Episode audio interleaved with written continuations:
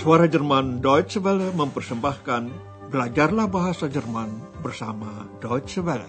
Lernt Deutsch bei der Deutschen Welle. Dengan siaran khusus berjudul Deutsch, warum nicht?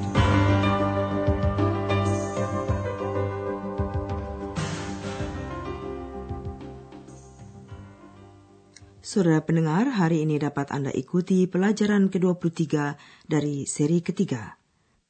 Pelajaran kali ini berjudul Klinik Charité yang terkenal di Berühmte Charité. Hari ini Andreas, X dan Dr. Thurman tetap berada di bagian timur Berlin. Perhatian Andreas tertarik oleh kompleks yang terdiri dari beberapa gedung besar. Di atap salah satu gedung tercantum nama kompleks itu yang ditulis dengan huruf Buchstaben berukuran besar. Nama itu berbunyi Charité, nama sebuah rumah sakit yang terkenal di seluruh dunia. Dengarkan saja dulu percakapan berikut. Pertanyaan yang harap Anda perhatikan, apa dugaan Dr. Thurman mengenai asal-usul nama Charité? Schau mal, da oben, die großen Buchstaben. Karite. Charité, Ex. Charité. Ja, das ist die berühmte Charité. Ein weltbekanntes Krankenhaus. Da habe ich auch mal gearbeitet. Warum heißt die Charité so? Das weiß ich auch nicht so genau. Ich kann das nur vermuten. Die Charité ist ja sehr alt. Schon fast 300 Jahre. Und damals, 1710, als man die Charité gründete, waren ja viele Franzosen in Berlin. Charité ist also französisch? Ja, Und was bedeutet das? Mitleid haben. Den Kranken helfen. Kata charité berasal dari bahasa Prancis. Pada waktu rumah sakit itu didirikan sekitar 300 tahun yang lalu, banyak emigran Prancis bermukim di Berlin. Itulah kiranya sebabnya rumah sakit itu memakai nama Prancis. Dengarkanlah percakapan tadi sekali lagi secara rinci. X memperhatikan huruf-huruf besar di atap gedung rumah sakit. Katanya, lihat di atas sana huruf-huruf besar itu.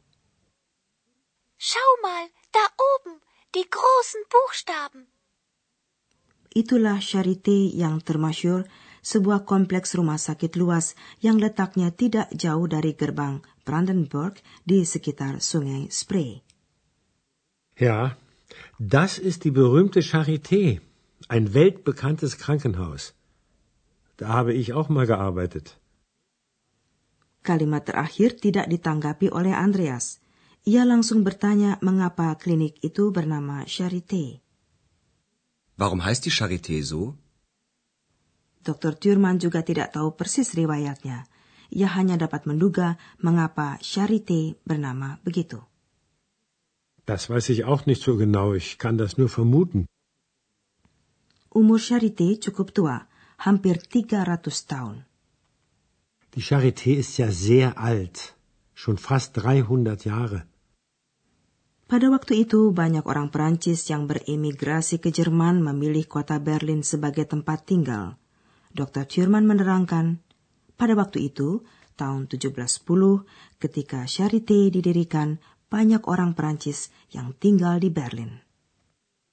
Und damals, 1710, als man die Charité gründete, waren ja viele Franzosen in Berlin. Maka X pun mengerti bahwa Charité adalah kata Prancis. Charité ist also französisch? Tentu X ingin mengetahui makna kata itu dalam bahasa Jerman. Maka Andres menjelaskan, berbelas kasih, menolong orang sakit. Mitleid haben. Den Kranken helfen. Dalam bagian kedua percakapan itu, Dr. Thurman menerangkan apa yang menyebabkan Charité menjadi termasyur. Rumah sakit itu merupakan pusat penelitian di bidang ilmu kedokteran yang menyediakan fasilitas untuk penelitian secara bebas, freie Forschung. Berikut ini dapat Anda dengarkan keterangan lebih lanjut lagi mengenai Charité. Penjelasan Dr. Thurman itu memang mengandung beberapa kata baru. Akan tetapi, kata tersebut tidak berbeda jauh dengan padanannya dalam bahasa Indonesia atau dalam bahasa Inggris. Cobalah menangkap konteks penjelasan itu. Und warum ist die Charité so berühmt? Die Charité war ein weltbekanntes Forschungszentrum. Man hat schon sehr früh komplizierte Operationen gemacht. Aber nicht nur das, es gab eine freie Forschung. Sehr gute Ärzte haben hier gearbeitet und mehrere Nobelpreise erhalten. Mhm. Aber jetzt sieht das alles ziemlich alt aus. Natürlich. In der Nazizeit mussten die jüdischen Ärzte gehen und später sind viele Ärzte in den Westen gegangen. Es gab moderne Geräte, eine gute Medizin, aber man forschte nicht mehr so viel. Und heute? Ich habe gehört, dass es eine Initiative von jungen Ärzten gibt. Sie wollen dieses traditionsreiche alte Haus wieder beleben. Ein neuer Geist in alten Mauern? Tja, so kann man das sagen. Saudara, marilah kita dengarkan bagian ini sekali lagi secara rinci. Dr. Thurman menjelaskan Charité merupakan pusat penelitian yang terkenal di seluruh dunia. Die Charité war ein weltbekanntes Forschungszentrum. Klinik itu menjadi termasyur karena tiga sebab. Yang pertama, jauh di masa lampau sudah dilakukan pembedahan yang rumit, komplizierte Operationen. Man hat schon sehr früh komplizierte Operationen gemacht. Di samping itu, diadakan penelitian secara bebas. Aber nicht nur das. Es gab eine freie Forschung. Sebagai penghargaan atas penelitian itu, kepada beberapa dokter dari Charité pernah dianugerahkan hadiah-hadiah Nobel. Nobel Preise. Sehr gute Ärzte haben hier gearbeitet und mehrere Nobelpreise erhalten. Andreas tidak dapat membayangkan hal itu, sebab kompleks rumah sakit tersebut kini kelihatan agak tua. Aber jetzt sieht das alles ziemlich alt aus. Ada beberapa alasan historis yang menyebabkan keadaan lusuh itu. Yang pertama, sejak tahun 1933 dengan berawalnya era kekuasaan Nazi, para dokter Yahudi, die jüdischen Ärzte, terusir dari Jerman. In der Nazizeit mussten die jüdischen Ärzte gehen. Setelah berakhirnya Perang Dunia Kedua dan dibelahnya Jerman menjadi Jerman Barat dan Jerman Timur, banyak dokter berpindah ke wilayah Barat. Und später sind viele Ärzte in den Westen gegangen. Sebagai akibatnya, kegiatan penelitian berkurang. Dibandingkan dengan Republik Federal Jerman, pelayanan kesehatan bagi penduduk Jerman Timur kurang baik kecuali pelayanan medis di Charité.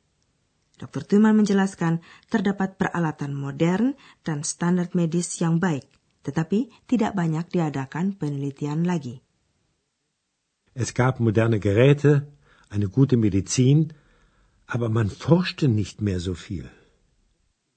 Menyusul reunifikasi Jerman pada tahun 1990, sekelompok dokter muda mengambil inisiatif Initiative. Und heute? Ich habe gehört, dass es eine Initiative von jungen Ärzten gibt. Dr. Thurman menerangkan tujuan yang ingin dicapai oleh para pemrakarsa tersebut. Mereka ingin mengisi rumah sakit yang penuh tradisi ini dengan kehidupan baru. Sie wollen dieses traditionsreiche alte Haus wieder beleben. Spontan Andreas bertanya, semangat baru dalam bangunan tua? Ein neuer Geist in alten Mauern? Mudah-mudahan saja hal itu terwujud. Bagi kita saudara pendengar, tiba saatnya beralih ke tata bahasa. Tema kita hari ini, pembentukan adjektiva di depan nomina feminin dan nomina netral.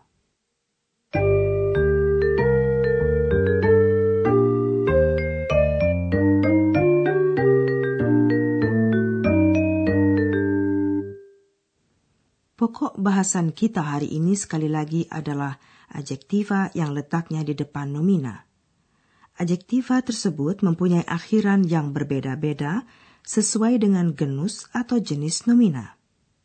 Faktor pembedaan lain yang penting, sifat artikel yang tercantum di depan nomina, yaitu atau artikel definite atau artikel indefinite. Pertama-tama dengarkanlah contoh adjektiva yang menyusul artikel definite tunggal. Adjektiva yang mengikuti artikel feminin di dalam kasus nominatif dan dalam kasus akusatif selalu mendapat akhiran e. Die Charité. Die berühmte Charité. Das ist die berühmte Charité. Pada adjektiva yang mengikuti artikel definite netral das pun, dalam kasus nominatif dan dalam kasus akusatif selalu diimbuhkan akhiran e. Das Haus. Das alte Haus. Sie wollen das alte Haus wieder beleben. Adjektiva yang mengikuti artikel indefinite eine di depan nomina feminin juga mendapat akhiran e. Eine freie Forschung. Es gab eine freie Forschung.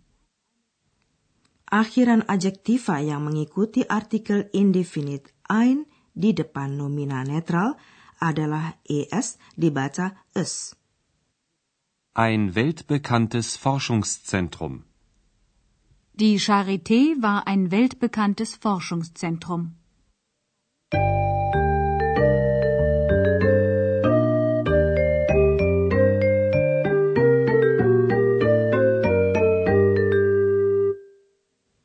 Saudara pendengar, sebagai penutup pelajaran hari ini, dengarkanlah kedua percakapan tadi sekali lagi. Duduklah dengan santai sambil memusatkan perhatian kepada apa yang diucapkan.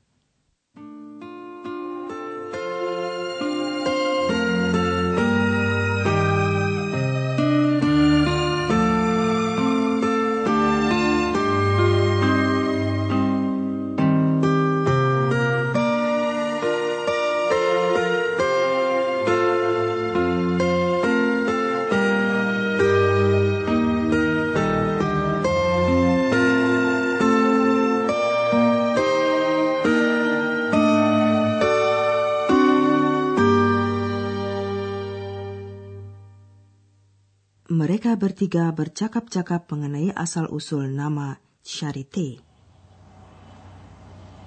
Schau mal, da oben, die großen Buchstaben. Karite. Charité, Ex. Charité. Ja, das ist die berühmte Charité. Ein weltbekanntes Krankenhaus. Da habe ich auch mal gearbeitet. Warum heißt die Charité so? Das weiß ich auch nicht so genau. Ich kann das nur vermuten. Die Charité ist ja sehr alt. Schon fast 300 Jahre. Und damals, 1710, als man die Charité gründete, waren ja viele Franzosen in Berlin. Charité ist also französisch? Ja, Und was bedeutet das? Mitleid haben. Den Kranken helfen. Dr. Thurman selanjutnya menerangkan sejarah klinik Charité. Und warum ist die Charité so berühmt? Die Charité war ein weltbekanntes Forschungszentrum.